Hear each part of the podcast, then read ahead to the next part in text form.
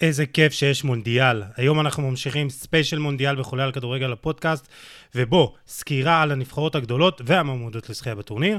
אחרי שברזיל קיבלה את הכבוד להתחיל את הספיישל, היום אנחנו עם נבחרת צרפת. בנוסף, עוד פרטים על מפגש הצפייה המטורף שיש לנו על משחק במונדיאל. יהיה אש, פתיח ומתחילים.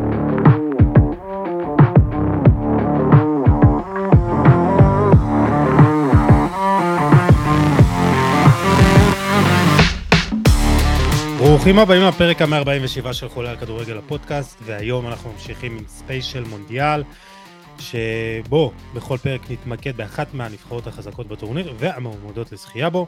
לא נצליח לדבר על כולן, אבל נשתדל לגעת במעניינות ביותר, והיום אנחנו עם נבחרת צרפת, הטריקולור, הנבחרת שאולי יש לה את הסגל העמוק ביותר שיכולה להעמיד לפחות איזה שלוש נבחרות מעולות, וגם האלופה הנוכחית. ומי אם לא מתאים לדבר עליה מאשר מיכאל וינסדט, אה, איש ערוץ הספורט וחבר הפוד יוני מונפו. אני יוסי עדני, בוא נצא לדרך. מיכאל, מה העניינים? בסדר גמור, מה שלומכם? מעולה, מתרגש לקראת הטורניר? ברור, מה זה, זה ה... מה זה, זה, זה, זה, זה, זה הדבר הכי מרגש שיש. מה, אתה יודע, כדורגל קבוצות, את האמת אני אגיד לך, נו. כבר פחות מרגש אותי בשנים האחרונות. נכון, יש ליגת האלופות והליגות המקומיות, פרמייר ליג וזה, אבל אין מה להשוות בכלל, אין, זה בכלל לא מתקרב. אה, לדוגמה, אפילו גמר ליגת האלופות לא מתקרב ברגש לאיזה משחק, אה, לא אגיד לך זניח במונדיאל, אבל משחק בינוני במונדיאל. מה, בגלל ש, שהכדורגל של היום הפך להיות כזה משחק של כסף ו, והרגש פחות מעורב בו? כן, כן, לגמרי, אתה יודע מה, יש לך שחקן כזה שבקיץ אה, אחד נמצא בקבוצה X, קיץ הבא קבוצה Y, כי משלמים לו אה, שני מיליון יורו יותר. בנבחרות אין את הדברים האלה, בנבחרות זה באמת הרגש, הרגש הטהור מדבר, זה השחקנים שגדלו במדינות, אה, אתה רואה את האיכות של המדינות על פי העבודה שלה עם הצעירים, כמה שחקנים באמת גידלו בשנים האחרונות, אתה רואה דורות שמתחלפים, אתה רואה נבחרות שקורסות, אה, כמו שראינו לאורך כל המונדיאלים האחרונים, בתקווה שאלופת העולם לא תקרוס במונדיאל הקרוב. כן. זה דברים שאנחנו רואים שבאמת גורמים לרגש לצוף. טוב, יוני, אה, מה קורה? אתה מסכים עם מיכאל? זה מרגש אותך יותר כדורגל נבחרות? אנחנו באנו, אנחנו תושבי חוץ, אנחנו, אני לא נולדתי בארץ, אני, אני ארגנטינאי, אתה יודע, אז אני מתחבר מאוד למה שהוא אומר. אני אמרתי לך את זה בפרק, הקודם, שבשבילי הפסד מונדיאל הוא מאוד דומה למוות, הוא, הוא כאב מאוד מאוד גדול, ואתה כל פעם רוצה להימנע מזה.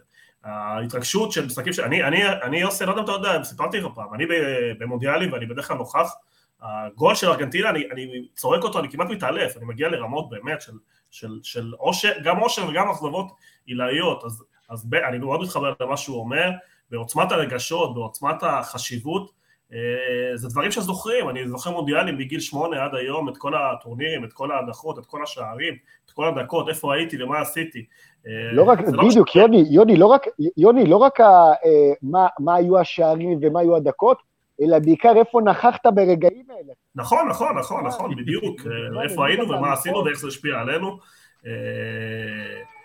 זה לא אותו דבר, זה לא אותו דבר כמו קבוצות, אולי פה בישראל, בגלל שאין נבחרת, לא הייתה נבחרת הישגית או טובה, זה, זה לא, לא מצליחים להבין עד הסוף עד כמה זה עוצמתי, אבל אני בשבילי, הרגעים הכי מאושרים זה להיות עם האוהדים, לשיר ו- ו- ולחוות את המונדיאל, וארגנטינה יש לה קהל, אתה יודע, מטורף, אז, אז אני מאוד מבין מה אה, מיכאל אומר, אני אולי קצת מקנא בו בגלל האיכות אה, של הכדורגל שנבחרת שלו מציגה, אבל על זה נדבר בפרק. כן, כן, עוד נדבר גם על המפגש שלכם במונדיאל הקודם, זה היה חתיכת מפגש. אה, אבל לפני שנתחיל, אני רוצה להזכיר לכם שאפסון ישראל מלווה אותנו בחודש הקרוב, ולקראת המונדיאל הבא עלינו לטובה. אפסון מייצרת מדפסות, מקרנים, סורקים, משקפיים חכמים וטכנולוגיות מתקדמות נוספות שמותאמות למגזר הפרטי והעסקי. תעקבו אחרי דף הפייסבוק של אפסון בישראל, לא רק כדי שתוכלו לראות את שלל המוצרים והפעילויות של החברה, אלא גם כי בקרוב תעלה שם פעילות ממש שווה עם פרס מטורף, כדאי לכם מאוד. ונכון שהבטחתי לכם אה, פרטים על ערב הצפייה שמתוכנן לנו, אז קבלו כמה פרטים. הערב הוא כמובן בחפשות אפסון ישראל. אה, אפסון תספק לנו את אחד המקרנים המתקדמים ביותר שלה, וכדי להבטיח לנו חוויית צפייה איכותית במשחק של צרפת נגד אוסטרליה, אז תשריינו לכם את השלישי, את יום שלישי, ה-22 בנובמבר, ניפגש בשעה שבע וחצי בפאב הסילביה במפר בתל אביב. אנחנו נתכנס שם, נשתה קצת בירה, נתקשקש, נתכונן למשחק פאנל מקצועי, קצת שאלונים בפרסים, ואז כולנו נצפה באמבפה, בנזמה, גריזמן והחברים נגד, נגד האוסטרלים החביבים, ופרטים נוספים בפרקים הבאים ובפלטפורמות השונות של חולה על כדורגל, וגם בפייסבוק של אפסון. מיכאל, אתה בא? אה, אם אני לא אעבוד, אז אה, כן, למה לא? אני לא יודע כמה זמן פנוי יהיה לי במונדיאל, גם ראיתי שממשחק הפתיחה ועד סיום השמינית, כל יום יש משחק. רק, אה, רק בין השמינית לרבע יש איזה יומיים חופש, קצת, קצת להירגע, אז אני לא בטוח כמה, כמה חופש יהיה לי, אבל בסדר, בוא נראה.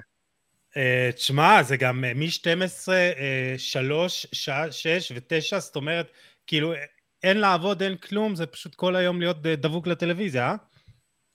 Yeah, אבל השאלה. אה, האם באמת אפשר לראות שמונה שעות של כדורגל בצורה אבסולוטית, אתה מבין? כי אני לא אומר לך עכשיו אה, ברקע. זה, לדעתי זה קצת קשה, אבל אה, בוא נגיד, לדעתי, אני ב, ביום אבחר שני משחקים, אתה יודע, בטון, שאני לא, לא נוגע בטלפון, לא זז לרגע, עוד איזה שניים כזה על הדרך. שברקע אתה אומר. כן. טוב, זה קשה, לראות שמונה שעות רצוף בצורה אבסולוטית זה קשה.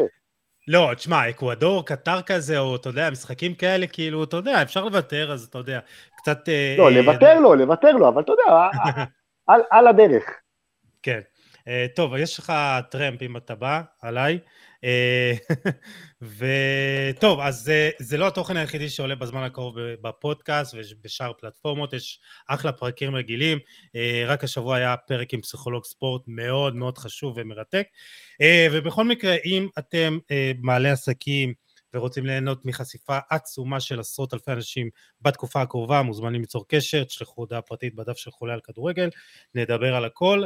אה, אז אה, טוב, קודם כל אה, הסבר קצר על הפורמט. פרק ראשון היה על ברזיל, כמובן. ובכל ספיישל יש לנו את הפינות הגבוהות, החוויות האישיות של כל אחד מאיתנו על הנבחרת, קצת היסטוריה, עובדות וסיפורים מיוחדים, מצב סגל עדכני, זימונים ופציעות, כרטיס זהות של המאמן, השאלה הגדולה, הסוגיה הכי בוערת של הנבחרות, אם יהיה לנו זמן אז גם שאלות נוספות וסוגיות נוספות, ולבסוף גם היריבות בבית, סיכויים והימורים. אז יאללה חברים, בואו נתחיל. מיכאל, תן לנו את החוויה האישית שלך ממונדיאלים של צרפת.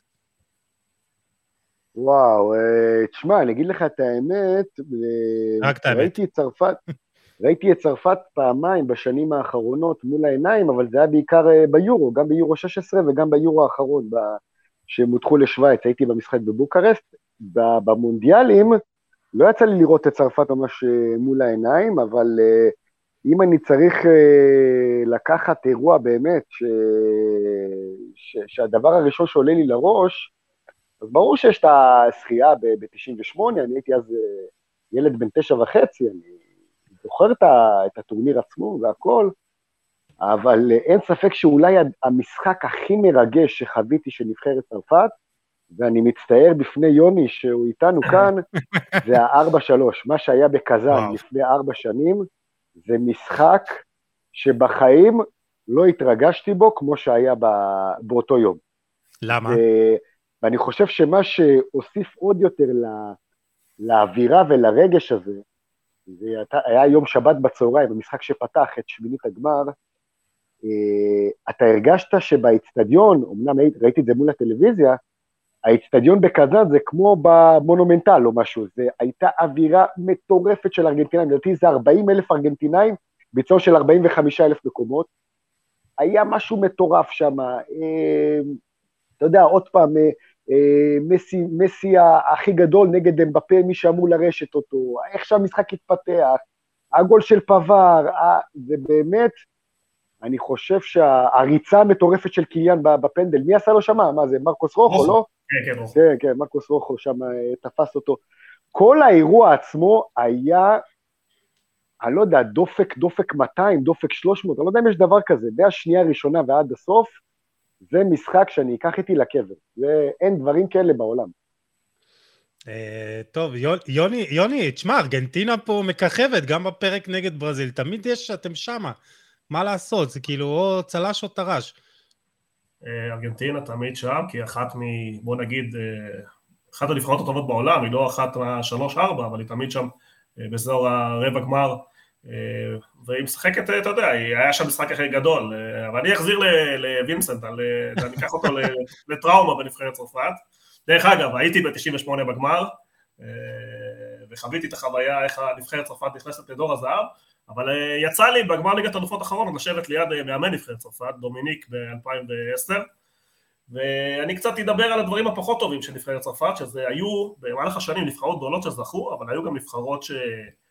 שלא היו אה, מאוחדות והיו בעיות חברתיות, אה, ובדומיניק ב-2010 הגיע למונדיאל אה, שמעמדו מעורר, למרות שהוא הגיע לגמר ב-2006, והיה שם אה, חצי גמר, אה, לא, היה סתם, סליחה, אה, הוא עשה תיקו נגד אורוגוואי, ואז במשחק השני נגד מקסיקו, היה לו סכסוך מאוד מפורסם עם אנלקה, שיש כמה גרסאות, ההוא קילל אותו, ההוא זרק עליו אבנים, זרק עליו נעליים, בסופו של דבר דומיניק זרק את אנלקה מהנבחרת, ולמחרת היה שערורייה ענקית שראינו את שחקני נבחרת צרפת מגיעים באוטובוס והקפטן אברה הודיע שלא עולים להתאמן אז אני אחזיר למיכאל קצת פה על הכאב שהוא הנחיל לי ואני אזכיר לו רגעים פחות נעימים, הייתה שערורייה ענקית דומיניק הלך הביתה, זה היה בושה ממש, ממש בשידור חי, אחר כך הם הפסידו גם לדרום אפריקה.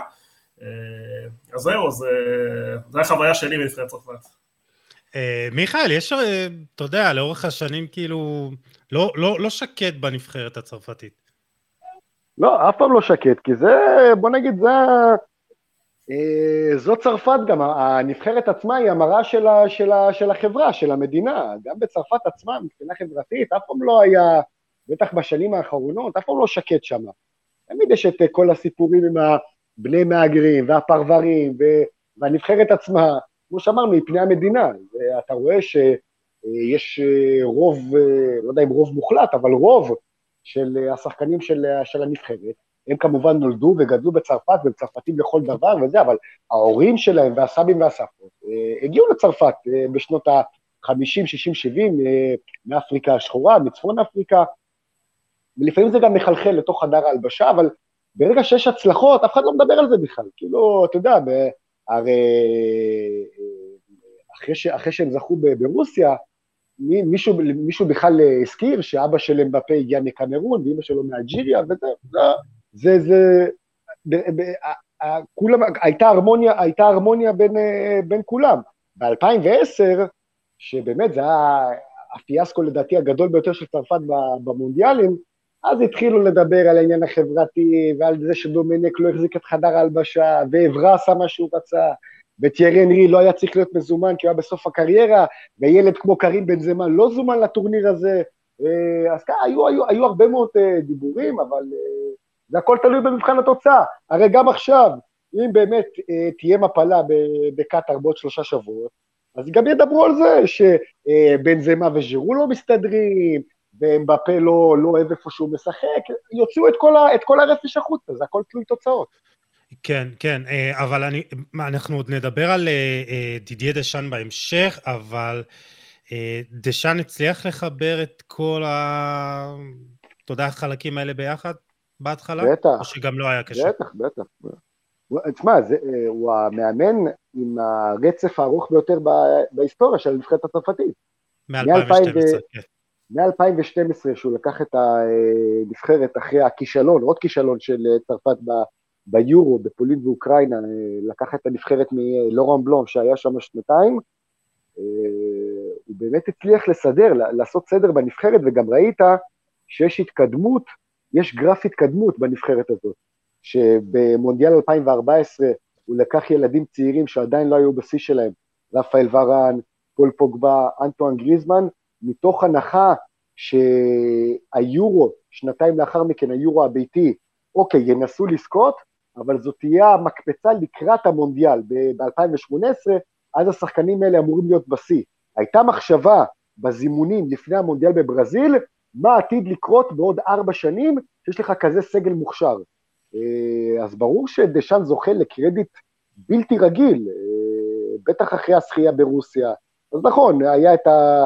הייתה עוד נפילה אה, ב- ביורו האחרון, אבל אף אחד בכלל לא חשב לה, להחליף את דשאן, אבל כל הקולות בצרפת מדברים על כך שלא משנה איך המונדיאל הזה יסתיים, דשאן יעזוב את הנבחרת, גם בגלל תחושת מיצוי וגם בסוג, ב, מבחינת סוג של, לא אגיד, לא אגיד עייפות, אבל באמת אה, להחזיק נבחרת כזאת, חדר הלבשה כזה במשך עשר שנים, זו לא משימה פשוטה, זה, גם הנפש עצמה צריכה כבר להתנקות.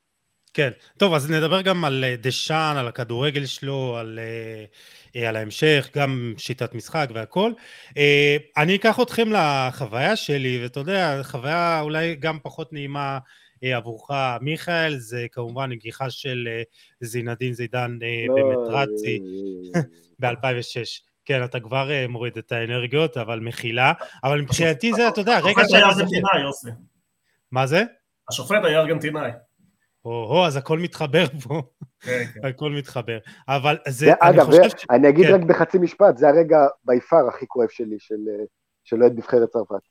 באמת? טוב, זה, זה חייב להיות. שמע, אני, אני חושב שזו הפעולה השטותית ביותר של שחקן אי פעם בהיסטוריה של מונדיאל, ואני לא יודע אם זה, אה, אתה יודע, אי, אי פעם יישבר, אה, אבל באמת, זידן היה אז גם במונדיאל אדיר, אה, הוא בישל לבירת שער היתרון בשמינית מול ספרד, ואז כבש בעצמו את השלישי של הנבחרת, הוא בישל להנריט את שער הניצחון ברבע מול ברזיל, כבש גם את אה, שער הניצחון בפנדל מול אה, פורטוגל בחצי, אה, היה לו עוד פנדל מוצלח מול איטליה בגמר, וכאילו, אתה יודע, מה זה, זה פנדל, שלו... פנדל היסטורי, הפננקה, הפננקה הזאת לבופון בגמר מונדיאל, ב-0-0. כמה שחקנים. אתה מכיר, כמה שחקנים אתה מכיר שעשו דבר כזה? זה מה שעוד יותר מעצים את, את הרגע הזה, אה, ומדהים שהדרך של איטליה לגמר היה אוסטרליה, אוקראינה, ואני לא זוכר מי היה בחצי, אבל באמת צרפת גרמניה. עשתה... כן, גרמניה, נכון? אבל אה, צרפת עשתה דרך הרבה יותר אה, קשה, אבל זה רק מה שמראה לנו שבסוף, בסוף בסוף, גם הכוכבים הגדולים ביותר הם בסך הכל בני אדם, כמוני, כמוכם, ולפעמים הם מאבדים את העשתונות, וזה היה איזה מין איזה רגע שאני לא חושב שאי פעם אה, אוהד כדורגל ישכח. אה, מיכאל, אה, רגע, זיזו... ורק אני אשלים, ובגלל כן. הסיבה הזאת שאמרת, שכולם בסופו של דבר בני אדם, אף אחד בצרפת לא כעס על זידן על המהלך הזה, כי זה היה מהלך כן. כל כך אנושי, שאמרו, אוקיי, אנחנו, אנחנו מבינים לליבו באותם רגעים. וזיזו עצמו הצטער על הנגיחה הזאת? לא, מה פתאום. זה... עד היום זה כאילו, אתה יודע, זה משהו ש... שילך איתו עד, עד יומו האחרון, אבל uh, הוא מקבל בצרפת גיבוי מלא, הרי כולם מבינים שאם זידן על המגרש, והוא הבועט האחרון של הפנדל ולא דוד טרזגה, אז היינו מדברים אחרת היום uh, לגבי צרפת, אבל uh, בסדר, היה שם היה שם את ה... באמת את הרגע האנושי הזה, ששמים את הכדורגל בצד ואת הזה, יש פה את הכבוד של הבן אדם, הכבוד של המשפחה, ו... ואם היה אפשר להחזיר את הגלגל לאחור, הייתי, הייתי מבקש ממנו שינקוט באותה פעולה. טוב, אז uh, מה שגם... אה, זידן, יוסי, כן. זה כמו... זידן זה כמו מרדונה, סומכים לו על הכל. Uh, אין מה לעשות, הדמות שלו, הוא בעצם הסמל הכי גדול של הכדורגל הצרפתי, והשחקן שהפך אותה למה שהיא היום, הנבחרת המובילה והפבוריטית כמעט בכל טורניר. כן, עוד נדבר, עוד נדבר על זידן ואולי אה, האם הוא מכוון גם לנבחרת, אבל זה התקדמנו קצת לקצת היסטוריה ועובדות. אה, צרפת עם שתי זכויות בתואר, 98 אה, ו-2018, השתתפה ב-15 טורנירים. הכי הרבה הופעות, ליליאן טורם, 142 הופעות, אוגו לוריס עם 139, עוד מעט ישבור אותו. הכי הרבה שערים, תהירי אנרי 51, ז'ירו 49, מבטא ככה אה, מדגדג אה, למקום ראשון, גריזמן 42, פלטיני 41, וקרים בן זמה 37 שערים, לכו תדעו מה יקרה. קיליאן אמבפה שעוד נדבר עליו הרבה היום, 28 שערים, 59 משחקים. אה, אוטוטו, שנה-שנתיים הוא כבר שם. הכי הרבה הופעות במונדיאל, פביאן ברטז והנרי, 17 כל אחד. והכי הרבה שערים, uh, שזה היום uh, גיליתי, ג'סט פונטיין עם 13 שערים במונדיאל אחד ב-58, הוא עדיין מחזיק בשיא כיבושים למונדיאל אחד. Uh, מאז השיא נשבר כמובן על גרד מולר, 14, רונלדו הברזילאי 15, וכמובן מיוסף קלוסה עם 16 שערים, מלך השערים במונדיאל בכל הזמנים. אמבפה במונדיאל הקודם, ארבעה שערים ובישול בשבע הופעות, כולל צמד ובישול בהופעת הענק נגד ארגנטינה של חיוני, סליחה, וגם שער בגמר אה, מול קרואטיה. אה, הרבה היסטוריה של צרפת. אה, מיכאל, סיפור השאר, מיוחד אגב, על... השער, השער, השער בגמר אה, נגד אה, קרואטיה, נו. זה השני בסך הכל לאורך ההיסטוריה, אז הוא היה עדיין בני העשרה, בן 19 שכובש בגמר, הראשון כמובן היה פלא. אה, נהדר, נהדר. תשמע, בגיל 19 לקחת אה, נבחרת למונדיאל, עוד נדבר עליה, אה, לזכייה, זה, זה מדהים. מיכאל, יש לך סיפור מיוחד על צרפת ומונדיאל לא אישי. סיפור על צרפת ומונדיאל, תשמע, לא עולה לי לראש עכשיו, אני, לא, אני חושב שה... Uh, המונדיאל הראשון שבאמת uh, חוויתי כאוהד של נבחרת צרפת, זה המונדיאל 98, כי ב-94, בגיל uh, חמש, חמש וחצי, עם השעות של הלילות, נתתי חרופ של החיים באותם משחקים, אז גם, מה זה, מה זה ב-94? הם אפילו לא היו שם עם, ה, עם uh, אותו משחק מפורסם נגד נבחרת ישראל, עם, עם ההפסד 3-2 של ראובן עטר, אז הם בכלל לא היו שם, אבל באמת המונדיאל, המונדיאל 98 זה, זה המונדיאל הראשון שחוויתי. אה, אני זוכר, אני זוכר עדיין את המשחקים, אני זוכר הכל, אתה יודע, מבחינת ההתרגשות. אה, אני זוכר שסבא וסבתא שלי שלחו לי מצרפת את כל החוברות משחקים וההכנות לקראת הדבר הזה, ויש לי את החוברת הזאת עד היום, אני שומר אותה, עם, ה, עם כל הסיפורים, וה, והם הוציאו כמובן אחרי זה קטלוג אה, ל, ל, לאור השחייה, גם עם כל הסיפורים אחרי זה, וה, והסיפורים האישיים של השחקנים. זה משהו שאני לוקח איתי, וכמו שאמרנו בהתחלה, זה, אני חושב שאין משחק של צרפת במונדיאל שאני לא זוכר מה היה בו, באיזה איצטדיון, מה התרחש שם, מה זה, כי זה משחקים היסטוריים, גם, גם משחקים גרועים, הרי צרפת לא, הרי ארבע שנים אחרי זה, ב-2002, הייתה עוד מפלה, שאלופת העולם, אבל אלופת אירופה מגיעה ופשוט אה, מתרסקת שם. אז לכל, לכל מונדיאל יש את הסיפור שלו. אה, לגמרי. אה, יוני, סיפורים שלך? על צרפת? כן. אה, הזכרתי בפרק הקודם שאתה יודע, אני ב-86 זה המודל הראשון שלי, הייתי בן שמונה בארגנטינה ונבחרת, אה, כולם פחדנו מנבחרת ברזיל, הכדורגל היפה, ובאמת הייתה נבחרת טובה, ואז הרבע גמר שלה מול נבחרת צרפת אה, הגיע לפנדלים, ואמרתי לך שהניצחון של נבחרת צרפת במשחק הזה הכניס תקווה ואמונה בחגיגות בארגנטינה היו גדולות, כי זה הפעם הראשונה שהעם התחבר לנבחרת והתחיל להאמין שיש סיכוי אמיתי אה, לזכות, הארגנטינה בקושי הפילה למונדיאל הזה, אה, שער עשר דקות לסוף אה, של פסרלה. אתה מדבר, אתה מדבר לאחר שהם ראו את ברזיל מודחת. כן, כן, חד משמעי, חד משמעי. נבחרת צרפת אוקיי. בעצם גרמה לארגנטינה להאמין שיש סיכוי ללכת עד הסוף.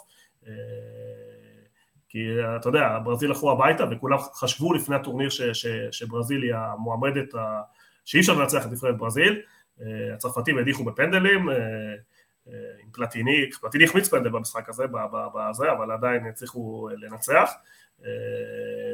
ובגלל זה יש לי, יש לי גם פינה חמה בלב לנבחרת צרפת, כי, כי תמיד היא מנצחת את ברזיל, גם של, הייתי בגמר ב-98, ניצחה את ברזיל 3-0.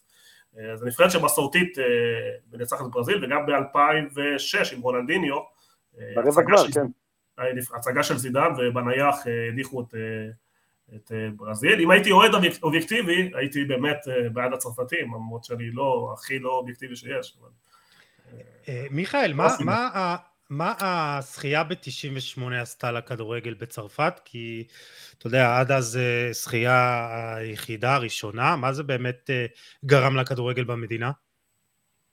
לא, תראה, אני חושב שבוא נגיד לפני הזכייה של 98, היו שני דורות גדולים של הכדורגל הצרפתי, הזכרת, הזכרת אחד מהם, ז'וסט פונטן ב-58, צרפת הגיעה אז לחצי גמר המונדיאל, סיימה בסופו של דבר במקום השלישי, והיו לה אז באותה תקופה שניים מהשחקנים הטובים בעולם, גם פונטן, אבל במיוחד ריימון קופה. ריימון קופה היה אה, שחקן אדיר שנמכר, אה, אפילו עשה את המעבר לריאל מדריד, אז זה היה נדיר ששחקנים עושים מעברים כאלה באותם שנים, אה, וזה, וזה באמת, הם הביאו את צרפת לחצי גמר מונדיאל.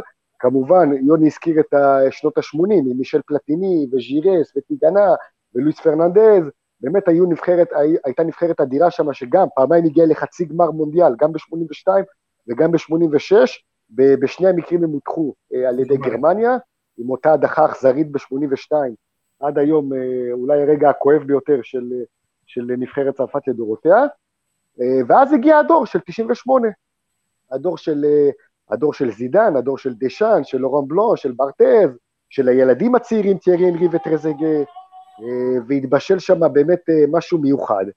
אני חושב שזה הרגע ש, שהרי תמיד יש, עד היום יש לי את המחלוקת הזאת עם אבא שלי, מי היה גדול יותר. הוא, הוא טוען שפלטיני היה גדול יותר אה, מזידן, ואני אומר זידן, בין היתר גם בשל העובדה שהוא הראשון ששם את צרפת על, ה, על הבמה העולמית. אמנם פלטיני זכה ביורו, אבל עדיין אין מה להשוות יורו ל, ל, למונדיאל, אז, אבל עדיין יש את הוויכוח הזה בין החבר'ה היותר מבוגרים, שמבחינתם פלטיני היה הגדול ביותר, לבין, לבין זידן.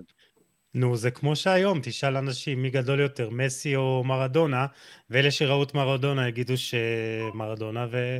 אבל אני חושב שבארגנטינה, אני חושב שבארגנטינה עד היום כולם יגידו מרדונה. אמת, אה, הרוב יגידו. כן, כן, כן, העם ארגנטינאי ברור, כי הוא יותר מחובר, זה דיון אחר, אבל יותר מחובר לדמות של דיגו ארמנדו מרדונה, אתה יודע, אפילו בספרדית של מסי, לא ספרדית ארגנטינה, צריך להבין את זה, והיה תקופות שהוא לא שר את ההמנון. אנשים אה, בכלל התחילו לאהוב את מסי רק אה, בשנים האחרונות. אה, נכון. עשו תיקון, כי עשו לו עוול במהלך השנים. אה, רגע, אבל, אבל בוא, ניקח, בוא ניקח מצב שארגנטינה זוכה עכשיו, זה לא יכול להשתנות? יכול, יכול, יכול להשתנות, אבל יש משהו שמרדונה עשה והם לא יכולים. אני גדלתי בארגנטינה, יכול להגיד לך, שאתה יודע, לאנשים יש חוויות מלחמה מפה, אנחנו... ב-82 הייתה מלחמה מול אנגליה, והסיטואציה הזאת, שאתה בא אחרי הפסד במלחמה, אה, על איי פוקלנד בזה, מלווינאס, קראנו לזה שם, אה, וראינו, אתה יודע, היינו רואים בטלוויזיה את השמות של ההרוגים, והיה שנאה כלפי תאצ'ר והאנגלים, ואתה יודע, זה לא שהחזרנו לאנגלים במונדיאל, אבל אבל אפילו הגול הזה ביד, מבחינת העם הארגנטינאי זה צדק היסטורי, זה להחזיר למנוולים האלה ששדדו אותך וגם כאילו רצחו אותך, אה, סליחה שאני מריץ פוליטיקה, זה משהו שלא יכול לחזור מיכאל, זה, זה אירוע שקרה פעם אחת, אה, אה, שנכנס לאנשים ללב, ומרדונה תמיד היה שם להילחם על צדק ועל, אתה יודע, דברים שמעבר לכדורגל, וזו הדמות שלו, ואנשים אהבו אותו גם בגלל הפשטות שלו, גם בגלל שהוא נלחם למען העניים, והוא מחובר מאוד לערכים שאוהבים בארגנטינה. והניצחון הזה במונדיאל שהפיח תקווה ושינה קצת, היה שם חונטה צבאית והוא כאילו פתח את זה לעידן חדש, זה משהו שאי אפשר להחזיר אותו גם אם תזכה במונדיאל, זה לא זה תואר וזה תואר, זו תקופה אחרת, אה, סמליות אחרת, ערכים אחרים, אה, ולמסי אין באמת לא באמת היה סיכוי, אולי בדור החדש להתחבר אליו, לדברים שכן הוא מייצג, האירופאיות, מסי צריך לייצג עבור ארגנטינה, ארגנטינה שצריכה להיות קדימה. אה, ויהיה מעניין, הלוואי שזה יקרה, הדיון הזה, האם באמת אפשר יהיה להשוות ביניהם. טוב, אה, תשמור, תשמור את זה לפרק הבא, יוני, על ארגנטינה. אה, טוב, נתקדם חברים אה, לכיוון הסגל. סגל סופי יהיה רק תחילת החודש הבא, עוד שבוע וחצי בערך. כרגע, לפי הערכות, הסגל הולך להיות כזה. שוערים לוריס אריולה ומנדנדה. בהגנה, אלוהים ישמור כמה, כמה אופציות יש לדשאן. אה, פבר, קונדה, אופמקאנו, פרננד בנדי, לוקה הרננדס, קימפמבה, אה, תאו הרננדס, עוד שמות, אה, סליבה, לנגלה, אדריאן טרופה, ורן, בספק... לא, קלמו לונגלה לא יהיה, די, הוא חלש מאוד. כן, אוקיי. לא יהיה. ג'ורדה בקישור, ורטו, רביו, קמאבינגה, שואמני, גנדוזי, פוגבה גם בספק, אבל יש גם את אה, יוסוף אה, פופאנה, אה, ג'ונתן קלאוס, וגם עכשיו אנחנו מתקדמים להתקפה שאלוהים ישמור באמת כמה אופציות אה, מיכאל, אמבפה, בנזמה, גריזמן, קומאן, דמבלה, אנקונקו, ז'ירו, עוד שמות שככה, אתה יודע, אפשר למלא את החסר. אה, דיאבי, קולו מואני, בן ידר גם היה במחלק בתקופה האחרונה. פצועים כאמור, רפאל ורן עם פציעה בהמסטרינג, ועדיין לא ידוע אם יהיה כשיר. וכמובן עם אנגולו קנטה בחוץ לארבעה חודשים, משהו מטורף, קרע גדול כל כך בהמסטרינג, שהיה צריך לעשות ניתוח ובאמת אה, אה, חיסרון משמעותי. אה, מיכאל, מה, יהיו לנו הפתעות בסגל? לא, אני חושב שפלוס מינוס השחקנים שהזכרת, יכול להיות, אתה יודע, שיהיו איזה שינוי שניים אה, גם, אבל ב, בשחקני המשנה, לדוגמה, אם... אה, לא יודע מה, אה, רביו יהיה או לא יהיה, אז זה בסדר, זה לא באמת עכשיו קריטי. אני חושב שהדבר הקריטי ביותר, בטח מבחינת סגל השחקנים, זה הפציעה של אנגולו קנטה, זה, זה שחקן שאין לו תחליף. אין לו תחליף לא בנבחרת צרפת ואין לו תחליף בעולם, אין שחקן כמו קנטה. ברגע שהוא כשיר, מה שהוא עושה על המגרש, אף שחקן לא מתקרב ליכולות שלו. ואתה יודע, אז אמרתי, אוקיי, פוגבה פצוע, יכול להיות שהוא יחזור, אבל לא שחק כדורגל אה, מסוף העונה שעברה, אה, ואני אמרתי לעצמי, אוקיי, אז אם יש לך את קנטה ואת שואמיני, שזו הגרסה המשופרת של פוגבה לדעתי, אורליה צ'ואמיני, אז אתה בסדר גמור. אבל ברגע שקנטה עכשיו בחוץ, זה, זה באמת מסבך את העניינים, כי הנבחרת הזאת, אה, הוא היה בה גורם, מה זה, זה גורם סופר חשוב, סופר מכריע במשחקים, בהכל. הוא באמת היה המנוע של הנבחרת, אה, ובלעדיו זה יהיה קשה מאוד, קשה, קשה מאוד. אין, אין, אין לו באמת מחליף. אתה חושב שצ'ואמני וקמבינגה לא באמת יכולים למלא את החלל הזה של אה, פוגבה ו... וקלטקי? לא, צ'ואמני כן, צ'ואמני כן, כי הוא באמת שחקן אדיר. אה, צ'ואמני, אבל אנחנו רואים לדוגמה את קמבינגה, שהוא מקבל את הצ'אנסים מדשאן, אבל uh, אתה רואה שקצת יותר קשה לו, uh, הוא, הוא מאבד כדורים, הוא לא, בוא נגיד, הוא לא נכנס חלק כמו צ'ואמיני, צ'ואמיני קיבל את הצ'אנס, ומהרגע הראשון ראית, יש לך פה מישהו שלמרות גילו הצעיר, הוא, הוא, הוא משחק כאילו יש לו כבר איזה 50-60 הופעות בנבחרת, מחזיק את הקישור, באמת בטון באמצע, כמו, ש, כמו שהצרפתים uh, uh, אוהבים וגם יודעים לגדל שחקנים כאלה. קמבינגה זה קצת לוקח לו יותר זמן. אני חושב שקמבינגה יהיה שחקן גדול. אה, אם אנחנו מסתכלים ארבע שנים קדימה למונדיאל בארצות הברית, אין לי ספק שקמבינגה יהיה לו חלק משמעותי. כרגע, בנקודת זמן הזו, זה קצת יותר קשה. כן, טוב, הוא יחגוג 20 רק uh, ב-10 לנובמבר, אז כן. יש לו עוד הרבה זמן. איך, מה לפי דעתך, רפאל ורן, בסוף יהיה חלק מהסגל? לדעתי כן, אבל אני משוכנע במאה אחוז שהוא לא יצליח להחזיק טורניר שלם, מבחינה, מבחינה, מבחינת המצב הפיזי שלו. כי אנחנו רואים, בוא, בוא נגיד ככה, לא נפלתי מהכיסא שעכשיו הייתה את הפציעה הזאת האחרונה שלו, אה, כי, כי הוא באמת מתקשה בשנים האחרונות. אתה רואה שהוא עושה, משחק חודש, חודש וחצי, חודשיים, ויאללה, נפצע. והגוף שלו כבר לא, הגוף שלו כבר אה, קשה לו להחזיק מעמד, הברכיים והירך האחורי והכול. גם אם הוא יהיה כשיר, אני לא יודע כמה באמת הוא יהיה מבחינת ה-100% כשירות שלו, והעצימות של המשחקים, כל שלושה ימים משחק, זה, קשה. אה, לא, תשמע, אני, לא, לא כזה אה, אופטימי בנוגע לוורן. בלם צרפתי אחר כבר הקריב את הקריירה שלו למען מונדיאל. הוא מטיטי. הוא מטיטי, לא נכון, נכון, נכון, כן. נכון. מה, מה דעתך לגבי ה, באמת ההקרבה הזאת? כי הוא גם אה, לאחרונה עוד פעם שיתף, שבעצם אה, הוא, הוא במודע הלך וכאילו שיחק על הפציעה בברך בשביל, אה, בשביל להשתתף, ושם גם הוא היה חלק משמעותי בשחייה. כן, תשמע, מבחינת הצוותים הרפואיים של, של הנבחרת, הם אמרו לדשאן, תקשיב, הבן אדם הזה הוא לא כשיר לשחק כדורגל, כאילו יש לו בעיות, יש לו בעיה בברך רצינית מאוד, זו בעיה ש...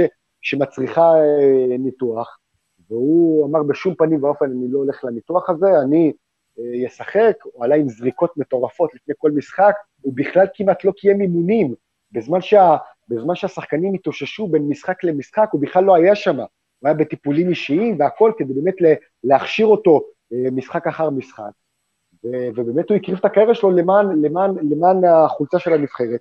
ולכן היום אומטיטי זה, הבן אדם אגדה בצרפת, אגדה, לא רק מבחינת נכון שהיה לו פיק מאוד מאוד קצר בקריירה, איזה שנתיים שבאמת הוא היה בלם אדיר ברמה העולמית, אבל מה שהוא עשה למען המדינה, למען הנבחרת, זה לעד, לעד יזכרו לו את זה, ו, ו, והאהבה שהוא מקבל מכלי התקשורת, מהאוהדים, זה משהו שאי אפשר להסביר אותו.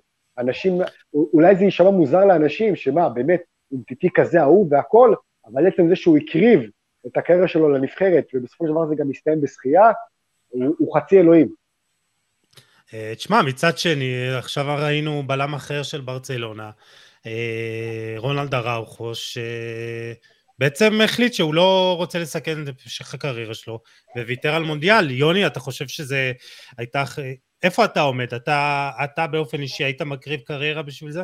וואו, אני כן, אבל uh, כל אחד בסוף צריך לבחור את, ה, את ה, מה שהוא מרגיש ומה שהוא, מה שהוא, אתה יודע, ש... זו החלטה אישית מאוד בסוף. אני מאוד מבין את אומטיטי, ש... קודם כל אומטיטי, אני אספר לך סיפור, שבגיל 15 הוא עבר ניתוח, הניתוח הזה נכשל, ובגלל שהניתוח הזה נכשל הוא סירב לעשות ניתוחים בהמשך, כלומר גם אחרי המונדיאל היה לו אפשרות לעבור ניתוח, והוא סירב. נכון שהמונדיאל החריב לו את הקריירה וגמר לו את הברך, אבל יש שם משהו אה, פסיכולוגי מהילדות שמונע ממנו לטפל בפציעה גם אחר כך.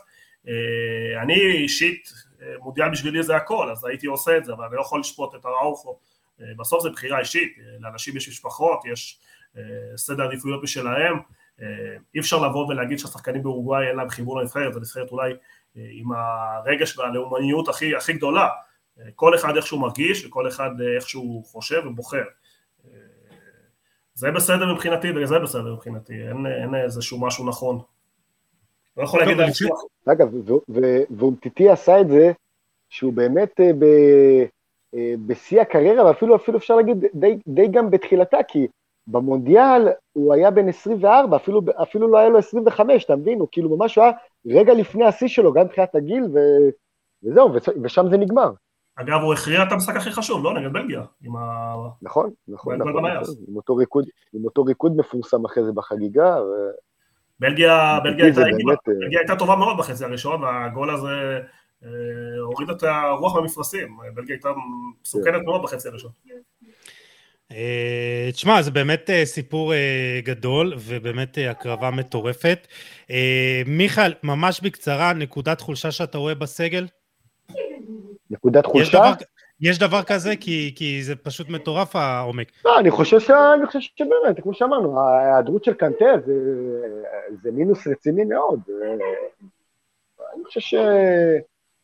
אה, חוץ מזה, אני לא חושב שיש יותר מדי נקודות אה, מקצועיות שבאמת אפשר להצביע עליהן שצרפת חלשה מהן, כי באמת הסגל חזק מאוד. השאלה כמה, כמה אה, דשאן ייתן את האמון בחבר'ה הוותיקים. אה, לדוגמה, אה, גריזמן, אין לי ספק שיפתח את הטורניר כשחקן הרכב, אבל האם לדשאן יש את, ה, את הרצון והאומץ הזה במשחק השני והשלישי, במידה וגריזמן לא טוב, להוריד אותו לספסל ולתת לדוגמה את ההזדמנות לאן קונקו, אתה מבין? הוא צריך לקחת כן. לפעמים החלטות גם לא כאלה פופולריות, נראה מה יהיה בטורניר. אז תודה שאתה מרים לי לחלק הבא, לכרטיס הזהות של המאמן. לא תכננו את זה לפני. אז uh, דידיה דשאן, בן 54, שיחק קשר אחורי, מרסיי, יובנטוס, uh, בין היתר, וכמובן עם נבחרת צרפת. 103 הופעות וארבעה שערים, זכה בשני גביעי ליגת האלופות, אליפיות בצרפת ואיטליה, וכמובן גם במונדיאל 98 ויורו 2000 כקפטן. אה, הוא מונה כאמור למאמן נבחרת בשמיני ביולי ב-2012 ומאז הספיק לזכות במונדיאל 18 וליגת האומות ב-2021 אה, יש לו 132 אה, משחקים כמאמן הנבחרת, 84 ניצחונות, 26 תיקו ו-22 הפסדים, יחס שערים של 267 שערי זכות מול 116 ספיגות, 70.2 אחוזי הצלחה, נהדר, השלישי בלבד בהיסטוריה שזכה במונדיאל גם כשחקן וגם כמאמן. הוא אוהב לשחק דשאן בזמן האחרון ב-3-4-1-2, כשגריזמן, כמו שאמרת מיכאל, בדרך כלל משחק מתחת לשני חלוצים. מדי פעם הוא עובר לרביעיית הגנה, 4-4-1, 1, 4-2-3-1, אבל שימו לב לזה, בשבעת המשחקים האחרונים שהוא פותח עם רביעיית הגנה, צרפת לא מצליחה לנצח, והניצחון אה, האחרון עם רביעיית הגנה הושג נגד גרמניה ב-15 ליוני 2021. אה, מיכאל, אנחנו בוודאי נראה את אה, דשאן ממשיך עם שלושה בלמים. על הנייר כן, אבל הפציעה הזאת של ורן, יכול להיות שבאמת היא תטרוף את הקלפים בכל מה שנוגע לסאגה של, ה, של המערך. אם אתה אומר לי שוורן כשיר ב-100%, אז בוודאות אנחנו נראה חמישה שחקנים מאחור.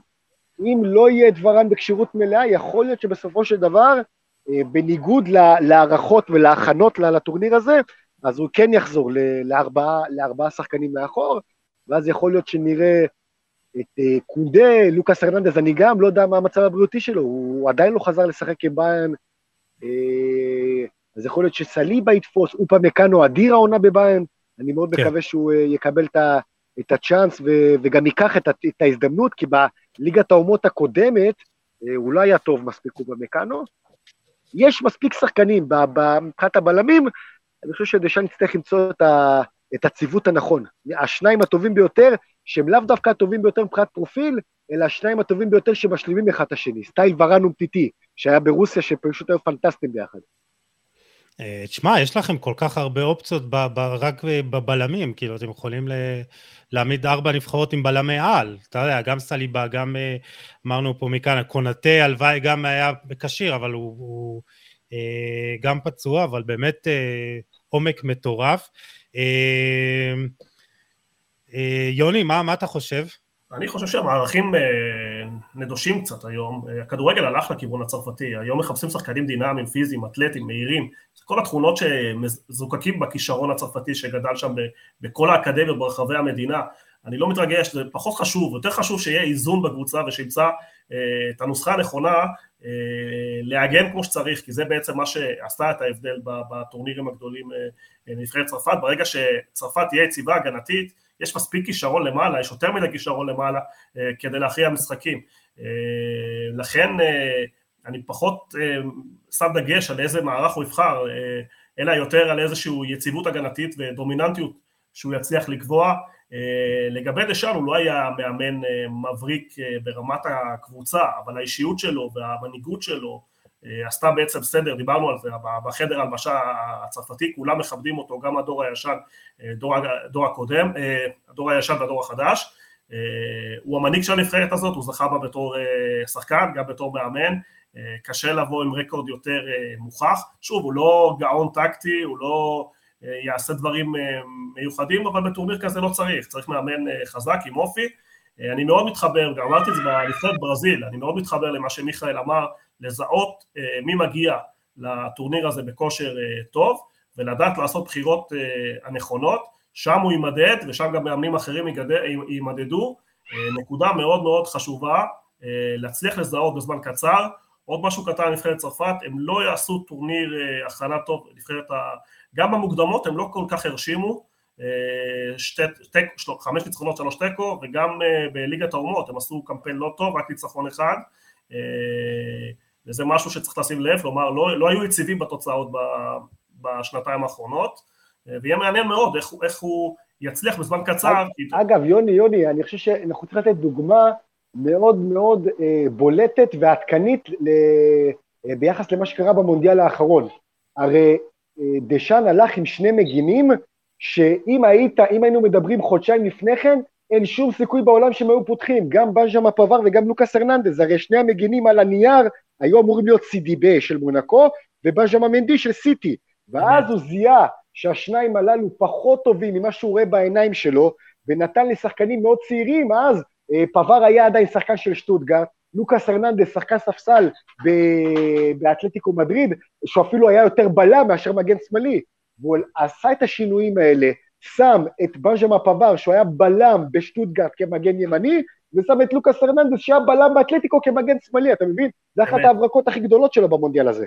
והשער הכי חשוב, והשער ששינה את המונדיאל, הגיע משניהם. שניהם, כן. שניהם, נכון. אה, אז אני מאוד מקווה שדשאן יצליח לזהות בפרק זמן הזה של השבוע בין סיום הליגות לפתיחת המונדיאל, יהיו להם איזה ארבעה, חמישה ימי אימונים, שיצליח לזהות את האחד עשר המפוקסים ביותר.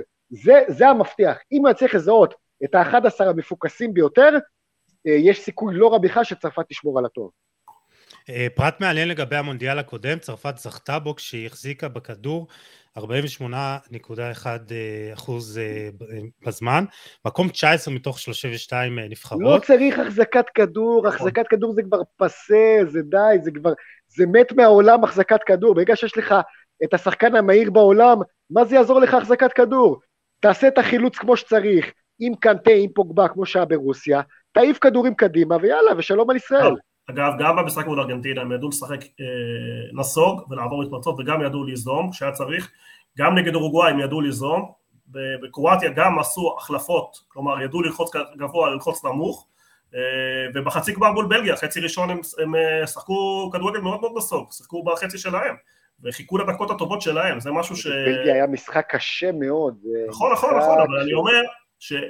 48% משקף יכולת של צרפת גם, נגיד בשלב הבתים, לשחק גבוה, לשחק עם הכדור, וגם להיות מאוד מאוד, אה, לנצל את היכולות של אמבפה במעבר, אבל לשחק גם בלי כדור. אה, אה, ומה שחשוב זה האיזון, גם לדעת לעשות את זה, וגם לדעת לעשות את זה, וגם לדעת לשנות מערכים. שוב, המערכים באמת, היום בכדורגל, אתה יודע, אתה מדורג... אגב, ועוד דבר, ש, עוד, עוד דבר שצריך להדגיש, אני מניח שתעשו לא מעט פרקים בזמן המונדיאל, אל תסיקו יותר מדי מסקנות על סמך יכולת בשלב הבתים. שלב הבתים הוא נכון. לא משנה במאומה, המטרה זה להפיל לנוקאוט. בנוקאוט מתחיל טורניר אחר, צרפת נראתה קטסטרופה מבחינת היכולת ברוסיה בשלב בתים, גירדה ניצחונות נגד אוסטרליה, אה, נגד פרו אז, אה, אני לא, לא, לא זוכר באיזו עיר זה היה, אבל זה היה נראה שיש שם איזה 2-3 מעלות, כולם היו שם עם מעילים ביציעים, 0-0 אה, נגד דנמרק ששירת את שתיהן, אם, אם היית שופט את צרפת על סמך היכולת שלה בבתים, היית אומר בואנה,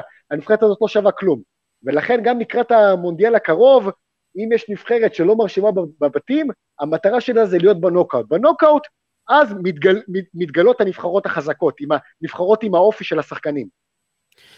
אה, שאלה אחרונה לגבי זהות המאמן, אה, הזכרת מיכאל שאם יהיה איזה כישלון אה, מטורף אז דשאן יעזוב, מה עם זינדין? רגע, רגע, בכל כן. מקרה, אומרים שבצרפת בכל מקרה, לא משנה מה הסצנריו של הטורניר הזה, דשאן לא ימשיך, כי די, כבר עשר שנים זה, מספיק. וזידן מחכה? כן, זה מה שאומרים. טוב, אז אני אחכה לראות אם זה באמת יקרה. Uh, טוב, השאלה הגדולה, הסוגיה הבוערת, אני חושב שזה די ברור, uh, האם קיליאן אמבפה יוכל שוב להוביל את הנבחרת לגביע נוסף. Uh, הוא עשה טורניר מדהים בגיל 19, אבל אני חושב כמו כולם ביורו האחרון הם קצת אכזבו וכולל אותו. ומיכאל, אני רוצה לשאול אותך, אתמול אה, ככה יצא לנו קצת לדבר גם ברדיו אה, על, ה, על, על אמבפה והשנה האחרונה שלו, וזה נראה שאיכשהו אה, המורשת שלו קצת מתקלקלת. אמ, תשמע, בוא נגיד ככה, מורשת, אני...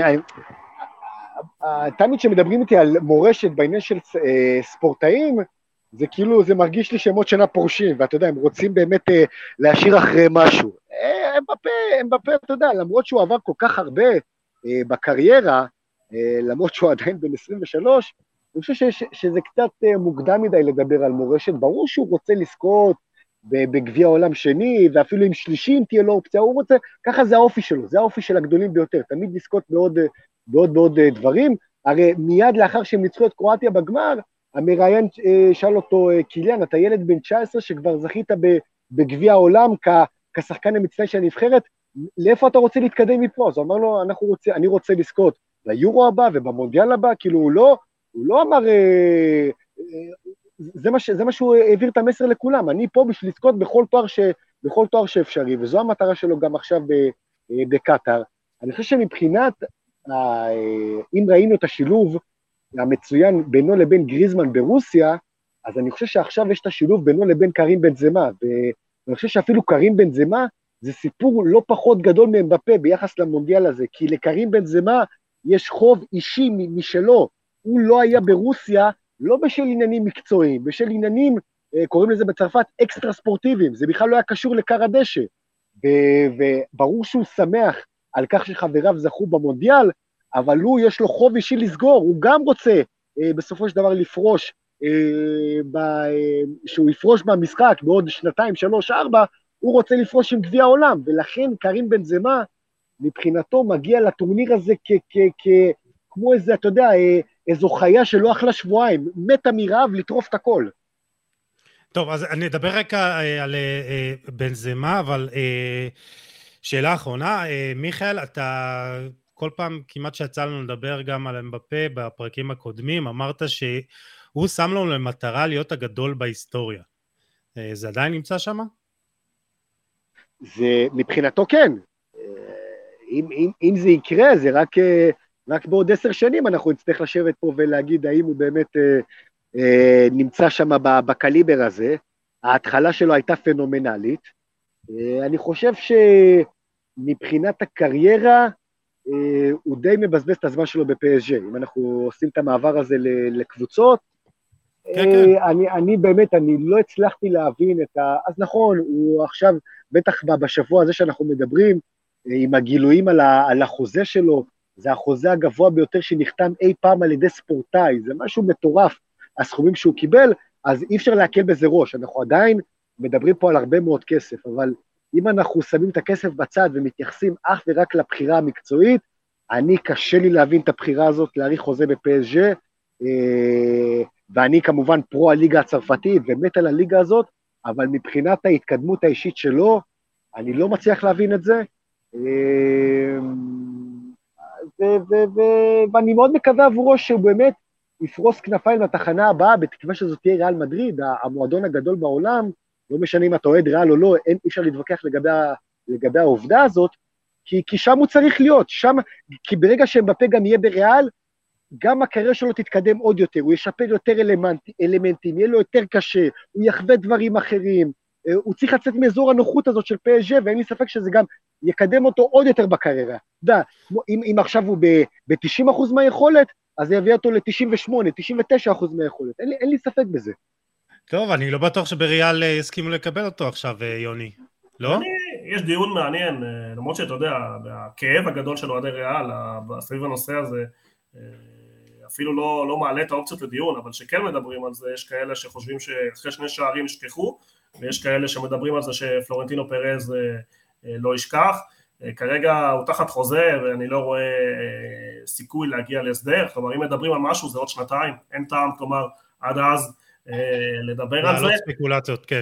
כן, אה, לגבי, כאילו, כלומר, היה כל כך הרבה, טחנו כל כך הרבה שנים, ובסוף אני חושב שמבפה משלם מחיר על החלטה לא פופולרית שהוא עשה, כולם ציפו ממנו אה, לבצע איזושהי קליטת מדרגה למועדון הכי גדול והכי מעוטר, הוא לא עשה את זה, והוא משלם מחיר בביקורת,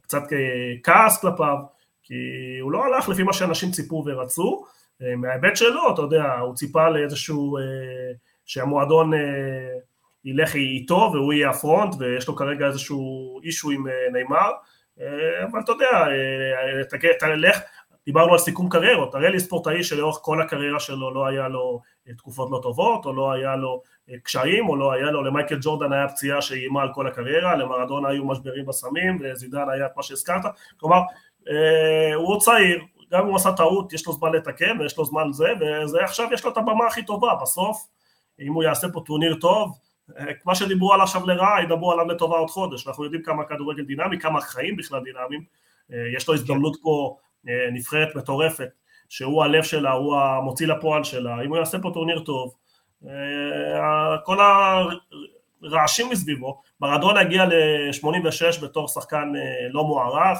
ודיברו על אה, רומניגה ודיברו על פלטיני והוא הפך אה, בחודש אחד להיות האלוהים של, של מדינה ושל אנשים ברחבי העולם. ולמפה יש הזדמנות להיות הזוכה האמיתי הראשון בשתי מונדיאלים רצופים כי פלא ב-62 לא בדיוק שיחק, היה בספסל.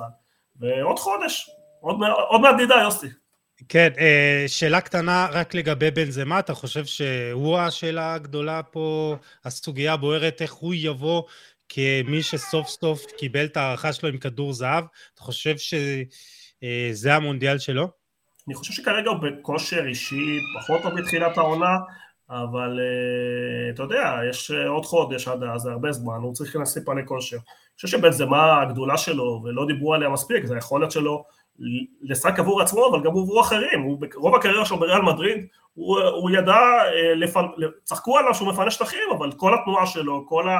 אה, התבניות התקפה היו דרכו והוא פינה את הבמה לרונלדו ואם הוא יעשה את זה יחד עם המפה והוא ניסה לעשות את זה ביורו וביורו הם לא הודחו בגלל התקפה הם הודחו בגלל יום לא טוב אה, או בכלל טורניר לא טוב של הבלמים על היציבות שדיברתי אני לא חושב שבנזמה רוצה להגיע למונדיאל הזה הוא רוצה לזכות במונדיאל הזה אבל לא חושב שחשוב לו להיות הכוכב של הטורניר. אם צרפת תזכה הכוכב יהיה בנזמה אין בכלל שאלה. זה לא כמו במונדיאל הקודם שבגריזמן היה הדמות לפני הטורניר, ואמבפה פשוט ביכולת, דרך אגב שניהם היו מאוד דומיננטיים, גם גריזמן עשה טורניר מצוין, הוא יכול אה, להיות דומיננטי וחשוב ולתת תפוקה, אבל הכוכב הוא בן זמה, יוסי, אני לא רואה פה איזשהו שינוי בקטע הזה. אני, אני, אני חושב שעוד פעם, אה, אני לא יודע איך, איך המונדיאל הזה יסתיים מבחינת צרפת, אבל אם אני צריך להמר עכשיו, מבחינת, אם אנחנו עושים את ההשוואה בין זמה עם בפה, מי בכל זאת יהיה לו טורניר יותר בולט, יותר טוב, אני הולך על בן זמה. אני הולך כאילו ב, ב, מבחינת ה, ה, הרצון שלו, זה הדבר, זה האירוע הכי חשוב בחיים שלו, אין, אין, אין אירוע, זה, זה, זה מתנקז בחודש אחד, גם כדור הזהב וגם המונדיאל, שהוא בשיא שלו, אה, ואין לי ספק שהוא יבוא מפוקס, זה לא אומר שצרפת תזכה, אבל הוא מבחינתו, אני, אני, אני הכי בטוח בעולם שבנזמה ייתן טורניר טוב. Uh, טוב, זה מעניין. Uh, רצינו עוד קצת לדבר על העתיד של הנבחרת ועל מאגר השחקנים הבלתי נגמר, אבל זה כבר נשאיר פעם אחרת, כי אני רוצה שנעבור סוף סוף למה שיהיה בפועל במונדיאל. צרפת בבית אה, D עם דנמרק, טוניסיה ואוסטרליה. דנמרק, חביבת הקהל מהיורו האחרון ומי שהגיע עד לחצי גמר בו, תהיה היריבה החזקה ביותר אחרי צרפת, וגם פייבוריטי יחד איתה לעלות לשלב הבא.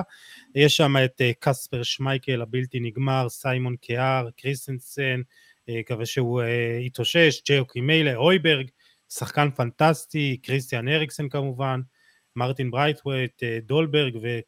וכדומה. טוניסיה עם סגל די אלמוני לקהל הממוצע, אבל בטח פה מיכאל אה, יוכל אה, לשפוך קצת אור אל אה, ווהבי חזרי, חלוץ מונפלייה, וגם חניבל מג'ברי, הקשר התקפי של ברמינגהם שמושאל ממנצ'סטר יונייטד, בן 19 עם 18 הופעות בנבחרת. אוסטרליה עם ריאן סטריין וטרנט סיינסבורי, אקס מכבי חיפה, צרפת פייבוריטית ברורה, דנמרק אחריה. מיכאל, כל דבר חוץ מהדחה של אחת מהן תחשב לסנסציה, לא? צרפת או דנמרק בבית הזה, כן, זה ברור ששתיהן אה, אמורות להיות, ככל הנראה יהיו, זה באמת יהיה, יהיה כישלון מטורף של אחת מהשתיים אם הם באמת הם לא יהיו שם בשמינית הגמר.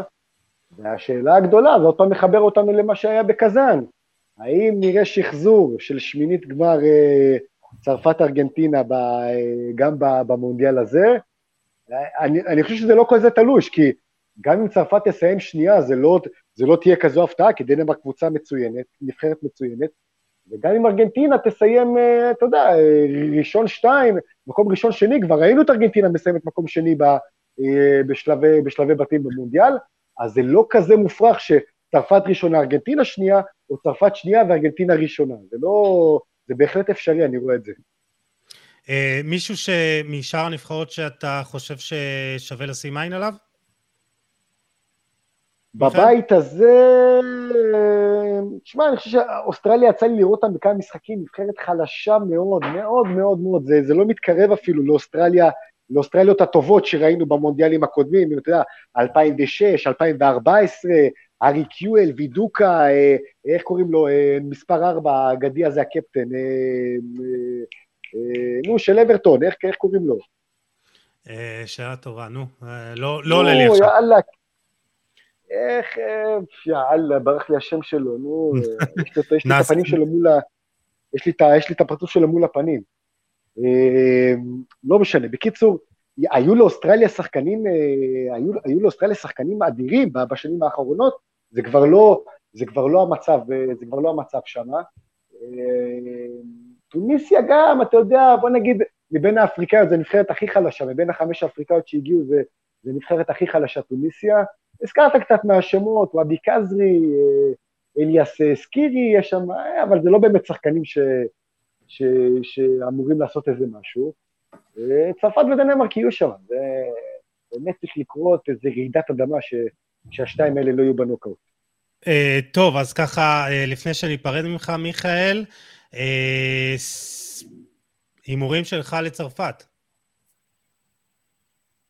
וואו, וואו, וואו, איך הטורניר הזה הסתיים. תשמע, ראינו אה, לאורך ההיסטוריה שיש רק נבחרת אחת שהצליחה אה, לשמור על התואר שלה אה, שני טורנירים רצופים, ברזיל 58, ברזיל 62, 60 שנה בדיוק חלפו מאז, ה, מאז האירוע הזה, אה, ואני חושב שהמסורת הזאת אה, תימשך, שאליפות העולם לא תגן על התואר שלה, כי זה קשה, זה קשה, זה קשה באמת לשמור על, ה, על, על הגביע הזה עם אותם שחקנים והכול.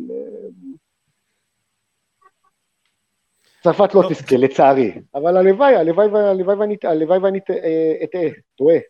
רבע גמר, חצי גמר, עד איפה היא מגיעה? אני חושב שרבע גמר, רבע גמר, אם צרפת תגיע לרבע גמר והיא תודח אה, מול מעצמה, קרי ברזיל, גרמניה, זה משהו ש, שיסלח. אה, כי אנחנו רואים גם באופן סיסטמטי, תראה מה קרה. אה, צרפת אלופת העולם נופלת בארבע שנים לאחר מכן ב-2002. איטליה אלופת העולם נופלת בדרום אפריקה. ספרד נופלת בברזיל. אה, גרמניה נופלת ברוסיה. אין, זה, זה קשה מאוד. זה לא, כן, זה, בוא נגיד, זה לא במקרה כל, כל, כל ההדחות הללו. דנמרק, רק איפה היא תגיע? אה, אגב, הנה, הנה, הנה, הקפטן, טים קייהיל, טים קייהיל, לא, אתה יודע, ברח לי השם שלו, יאללה, באוסטרליה הייתי חייב, טים קייהיל, בוא'נה, איזה שחקן הוא היה. אה, בקיצור, דנמרק, לאיפה היא מגיעה? שמע, רבע גמר, חצי גמר, זה לא יפתיע אותי מבחינת דנמרק, יש להם אחלה נבחרת. אה, אז נכון. כאילו, מבחינתם, לרוץ קדימה, אגב, אני גם אשמח עבורם.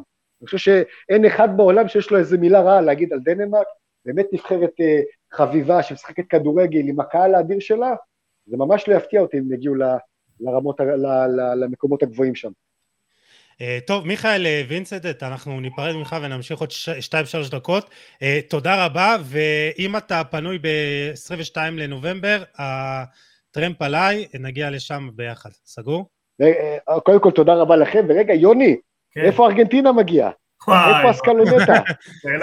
ארגנטינה זה הפרק הבא. שאלה קשה מאוד, אה, קשה לי לענות על זה, באמת. לא, לא, אבל רגע, רגע, רגע, עכשיו באמת תצא שנייה, אה, תוציא את הלב הארגנטינאי שלך, נטו מקצועי, נטו עם הראש. מקצועי. ארגנטינה יכולה לזכות? מקצועי. אני, אני חושב שלא. אני, גם, אני לא חושב שארגנטינה מספיק טובה, ברור שלא. אני חושב שגם 아, כל, אוקיי, מפגש, בסדר, כל מפגש בשמינית, אז... גם, גם דנמרק היא נבחרת, היא הנבחרת הכי קבוצה ש, שיש במונדיאל, היא נבחרת באמת מגובשת מאוד, קשה מאוד. אה, באמת. אתה מבין, ארגנטינה תפגוש או את צרפת או את דנמרק בשמינית. זה אני אומר, השמינית... זה משחק מוות. אם השמינית ארגנטינה איכשהו עוברת, יכול להיפתח לה אפשרות ללכת רחוק. אה, נכון. זה, המפתח במודיאל הזה, באמת שזה מפתח, כלומר, אה, יהיה קשה מאוד, אבל...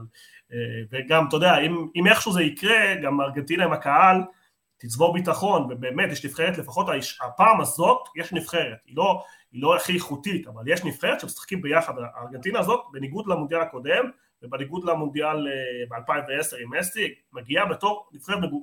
אני קורא לזה קבוצה מגובשת, לא מספיק איכותית, לא מספיק טובה, אבל אתה יודע, מהרבע בשמינית וזה, זה כבר גם המון מזל, המון אופי של שחקנים, המון, אה, לא לספוג, כל עוד אתה לא סופג, אתה יודע, אתה בתמונה, לא חושב שהכדורגל הארגנטינאי מספיק איכותי ללכת עד הסוף, אבל ראינו גם נבחרות לא טובות, אה, או לא הכי טובות עושות את זה, זה איזושהי תקווה שתמיד קיימת, מבחינת איכות, אה, חד משמעי לא.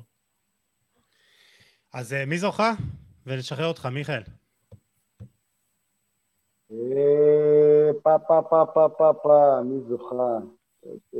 שמע, אני מצד אחד אני לא רוצה ברזיל, אני לא רוצה ארגנטינה, אני, אני לא יודע, אני באמת אני לא יודע מה... אני לא יודע. תן לי דנמרק, יאללה, דנמרק, קחי דנמרק, תרוצי עד הסוף ותזכי, יאללה, אני אטוס לקופנהגן לחגוג איתה. יאללה, למה לא? אני נוסעים איתך. אה, מיכאל וינסנט, אה, ערוץ הספורט, תודה רבה. אה, כיף תמיד לדבר איתך על כדורגל. ביי, תודה לכם, ביי ביי. ביי. יוני, טוב, אתה, אחרון, סיכויים שלך והימורים לבית הזה? בית הזה 1-2 קל, צרפת ודנמרק, אין פה בכלל שום שאלה. איך זה יסתדר ביניהם, אני מאמין שזה יכול להסתיים גם בהפרש שערים, כלומר אני כן יכול לראות פה איזשהו תיקו אה, במשחק השני ביניהם, ואז אה, קרב הפרש הערים מי יסיים ראשון שני. כמו שמיכאל אמר, שתיהם ינסו להימנע מארגנטינה, אבל אני חושב שמה שיותר יהיו מרוכזות בעצמם ופחות ביריבות. פער אדיר, בבית הזה מאוד קל להערכה. כן. Uh, טוב, דיברנו כבר על, הסיום, על הסיכויים וההימורים שלך. Uh, אני רואה את צרפת מגיעה לרבע, uh, דנמרק גג רבע. צרפת אולי חצי, ככה עם הגרלה נוחה. אני לא רואה אותה זוכה. היא יכולה, היא יכולה ללכת עד הסוף, כלומר... כן, כן.